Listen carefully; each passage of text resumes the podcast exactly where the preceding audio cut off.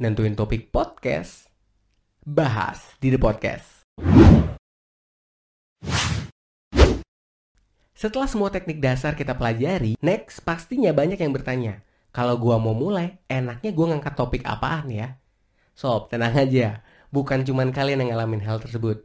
Gua ketika pertama kali buat The Podcast, gue juga mengalami hal yang sama. Sampai seiring berjalannya waktu, akhirnya gue menyadari bahwa ternyata menentukan topik podcast di awal itu sangat penting. Di sini gue coba akan berbagi tips bagaimana sih cara menentukan topik podcast yang cocok untuk podcast kalian. Siapa tahu habis dengar topik ini, kalian makin semangat lagi untuk mulai buat podcast. Oke, tips yang pertama adalah tentukan topik yang memang kalian kuasai. Topik yang kita kuasai maksudnya di sini adalah topik yang memang kalian mengerti dan kalian pahami atau biasa kalian lakukan.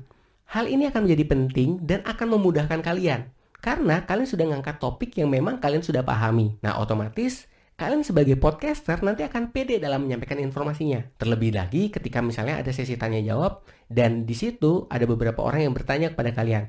Tentu kalian sudah tahu bagaimana cara menjawab pertanyaan tersebut. Nah, gue ambil satu contoh. Misalnya kalian adalah seorang pencinta kopi dan kalian pengen buat podcast tentang kopi.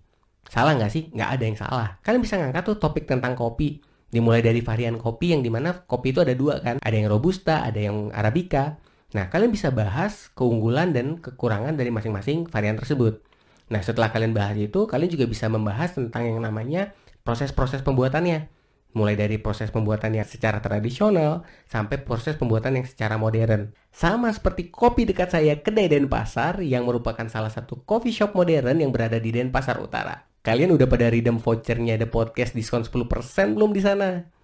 Just info buat kalian. Produk-produk kopi di kopi dekat saya itu sudah menggunakan yang namanya 100% kopi Arabica. Yang di mana kopi tersebut akan aman dan nyaman banget buat lambung kalian.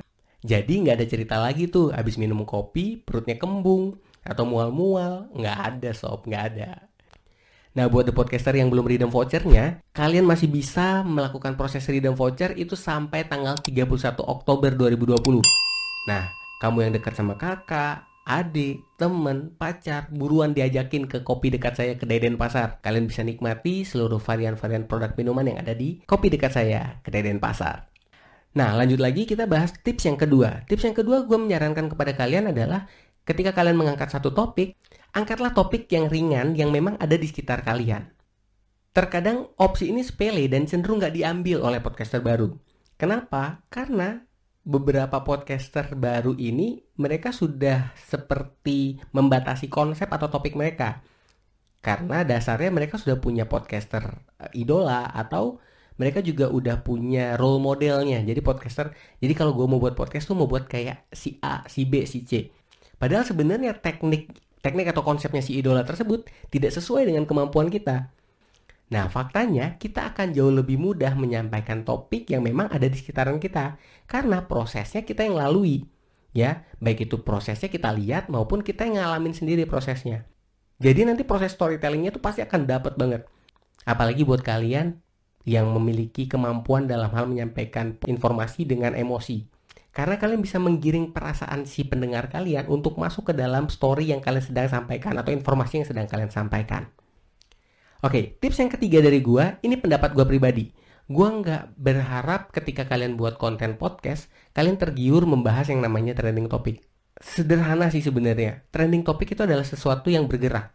Jadi informasi yang selalu bergerak. Nah, ketika kalian membahas tentang yang namanya trending topic, jadi nanti kalian akan terbawa untuk membahas sesuatu yang sebenarnya kalian belum pahami atau mungkin kalian tidak pahami sama sekali. Akhirnya informasi yang akan kalian sampaikan itu nggak valid.